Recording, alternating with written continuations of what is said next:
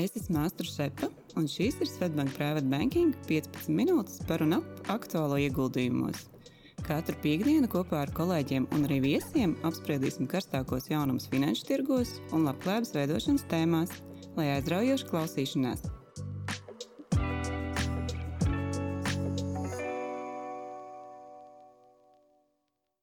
Esiet sveicināti podkāstu 51. epizodē. Šodien es Mārtiņš esmu kopā ar privātu banķieru Līgu Rasu Grāvīti. Čau, Līga! Čau, Mārtiņ! Esam runājuši par dažādām valstīm, reģioniem, un šodien parunāsim par Japānu. Kādu uzņēmumu pārstāvēt šajā valstī? Nu, ko tad ko tad finanšu tirgi domā par Japānu, kā mēs varam ieguldīt Japānas tirgu. Ikdienā īstenībā mēs Latvijā pietiekami daudz un pat ļoti plašā sortimentā lietojam Japānas produkcijas. Viena no populārākajām noteikti ir autoražotāji. Līga varbūt arī kaut ko lieto no Japānas.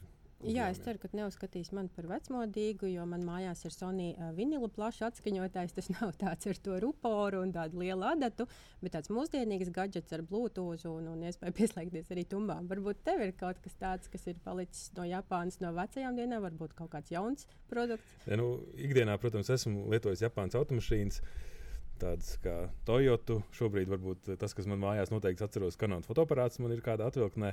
Bet Japānas kompānijas, kā jau minēju, ir autoražotāji Subaru, Mazda, Honda, kas vēl mums Mitsubishi, ir. Mitsubishi, Nissan, Suzuki. Seiko, Pūksteņi, Canons to jau pieminēja, pieminēja, vai ne? Olympus. Nu, īstenībā ļoti daudz mēs zinām, vai Jā, ne? Nintendo, Bridgestone. Īstenībā Latvijā ļoti plaši pārstāvēts un bieži vien varbūt neapzināmies, ka Japānas nu, automašīnas. Protams, mēs zinām, ka Japānā ir ražots, bet nu, ir daudz un dažādas elektronikas kompānijas, kas ir arī ražotas Japānā. Japāna ir G7 lielvalsts, nu, tā viena no tādām lielām ekonomikām, kura, kura darbojās, ir svarīga. Un, no nu, ieguldījuma ziņā arī Japāna ir pamatā daudzos diversificētos portfeļos. Jāsaka, gan, ka, protams, būtiski ir skatīties, kas pašā tirgu notiekās. Nav tā, ka varbūt Japāna tiek uzskatīta pats interesantākais tirgus un ka tur tāds ļoti liela dinamika notiekās. Mm, nu jā, patiesībā, Mārtiņ, es ļoti priecājos, te, ka tu uzaicināji mani šo podkāstu un minēji, ka šī tēma ir tieši par Japānu. Jo Japānā ir ļoti bagāta vēsture un arī kultūra, nu, kam es arī šajā kontekstā pievērsu daudz uzmanības, jo tāpēc, kad, uh, tas ir tāds neatraujams faktors, jo viņiem arī ļoti bagātas šīs tradīcijas, kas ir saglabājušās arī līdz mūsdienām. Nu, un, principā šobrīd vijās ar tādām augstajām tehnoloģijām.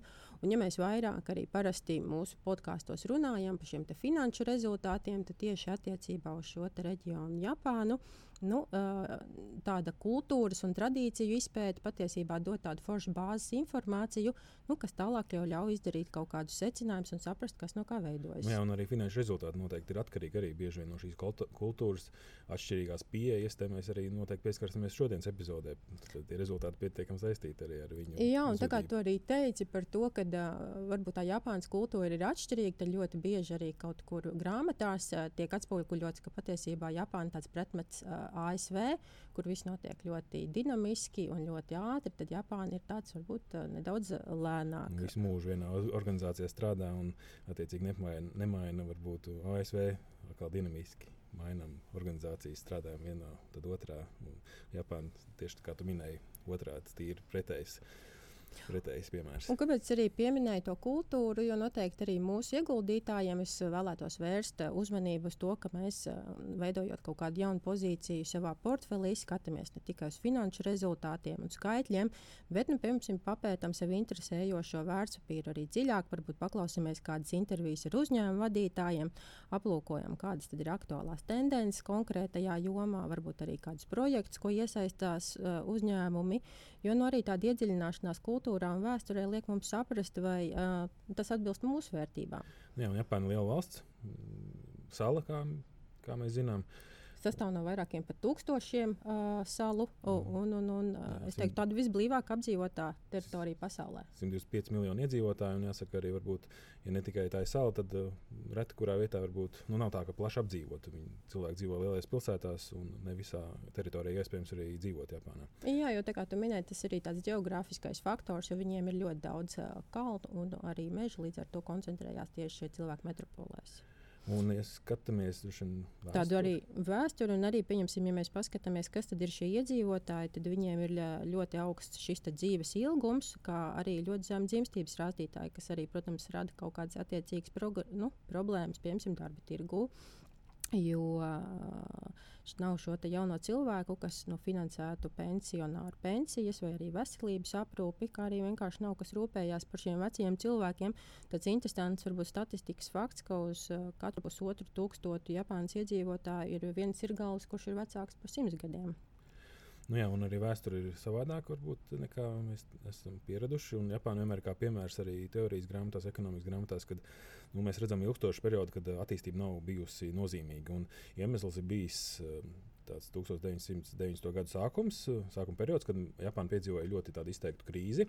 Krīzes nu, teiksim, burbuļu plīsumu bija gan nekustamais īpašums pieaudzis ļoti aktīvi, augstu, augstā vērtībā, gan arī akcijas bija pieaugušas, un tas burbulis plīsa. Līdz ar to Japāna piedzīvoja lielu krīzi, kas radīja nu, turpmākos gados arī tādu mazāku attīstību, un Japāna ir ieslīgusi tādā, nu, tādā nu, nepārāk labā posmā, kad uh, kad biznesa neattīstās. Un kas ir par iemeslu? Protams, pēc krīzes cena, cenas kritās, līdz ar to nu, pieprasījums kritās. Nu, arī vēlme kompānijām investēt no jauna, radīt jaunas biznesa arī mazinājās, un kas rezultējās uz to, ka uh, algas arī nepieauga.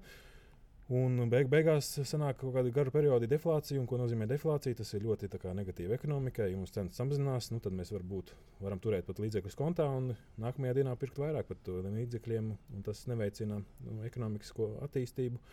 Ja reiz mēs vienkārši turot naudu savos kontos, gūstam labumu. Mm -hmm. Un tas mhm. ir viens no tādiem, tādiem pamatu, pamatu problēmām, kas Japānai šobrīd ir bijusi 30 gadu garumā. Un, ja mēs skatāmies, kas viņiem ir tādas spēcīgākās nozares, tad tā jau ir mūsu pieminētie automobīļu, kā arī robotikas, elektronikas nozares, kā arī, protams, viņi dod ļoti lielu ieguldījumu zinātnē un tehnoloģiju attīstībā. Un noteikti mēs arī katrs esam varbūt vai redzējuši, vai paši izmantojam un redzējuši esam animāciju un, un arī spēles, kas nāk tieši no Japānas. Bet, ja mēs paskatāmies, kas tad rada bažas Japānas ekonomikā, šobrīd. Tas ir līdzīgi arī nu, visur pasaulē, bet viņiem iespējams izpaužās nedaudz savādāk. Tad tā centrālo banku procentu likmi celšana, lai gan uh, Japānā nepiekāpja aktīvu procentu likmi celšanu savā valstī, nu, kas to principā padara par tādu diezgan unikālu uz pasaules fona. Nu, jau labu laiku arī arī tiek regulēts šīs ienesīgums obligācijām. Pašlaik, protams, ir nedaudz tāda pozitīva tendence, kad uh, ienesīgums varbūt tiks tas koridors paplašināts un tādā formātā.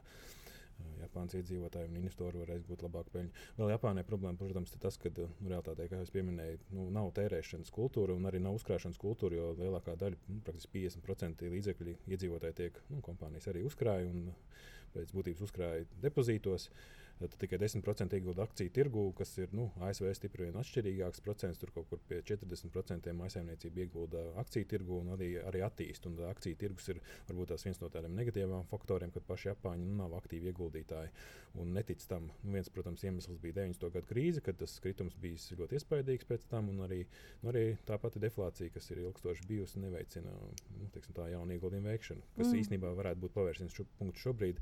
Mēs redzam labus tādus mazus iedīgus, ka mēs nu, redzam arī inflācijas pieaugumu. Jā, par to mēs arī parunāsim tālāk, kas varētu būt tās tendences.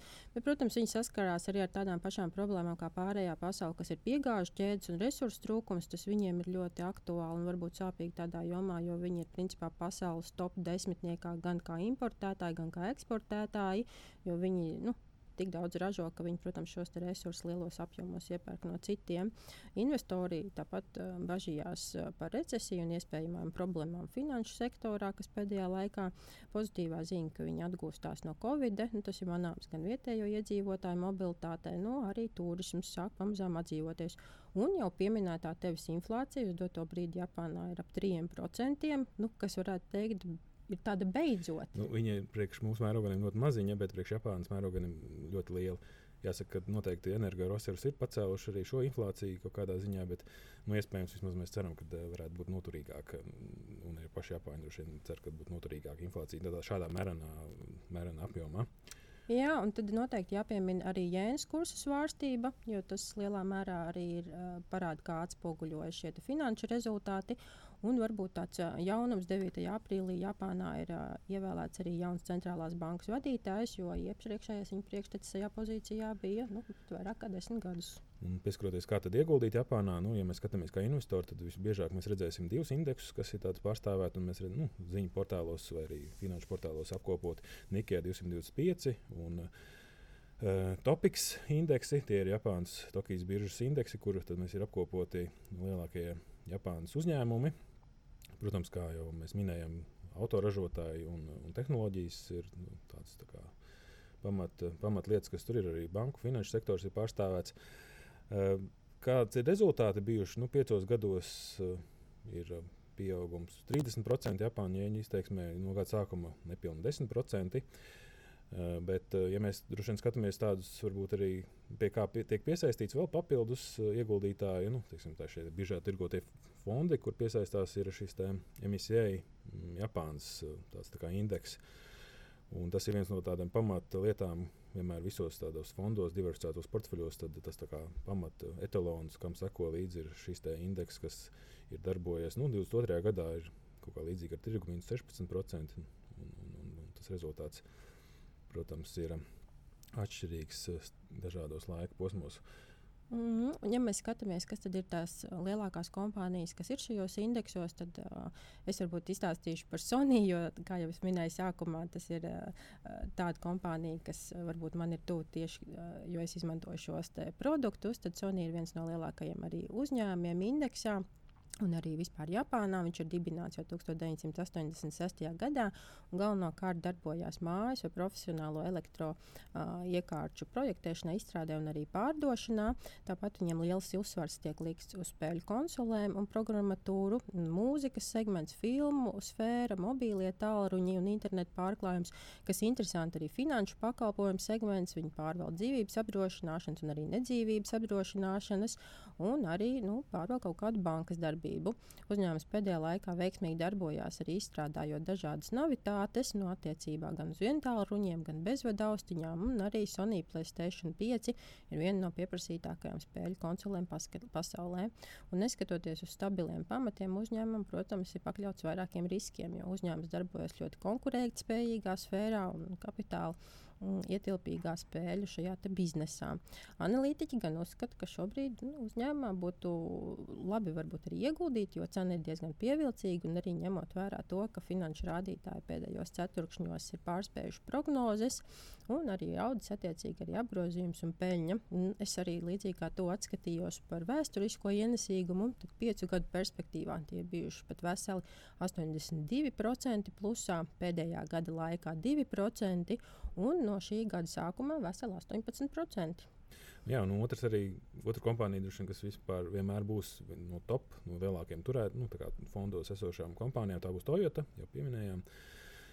Un Toyota stāsts ir varbūt atšķirīgs no citām kompānijām, kas uh, ir uh, Eiropā vai ASV, jo Toyota ir uh, nu, mazāk likusi savu īpatsvaru uz elektroautobīļiem, tādiem tīriem elektroautobīļiem. Un, uh, viņi strādājuši tādā hibrīda variantā, kad bieži vien ir benzīna motori un, un mēs redzam šos hibrīdus. Tikai tagad varbūt pievēršās tādam elektroautobīļu stāstam, tādam masas mas, mas piedāvājumam.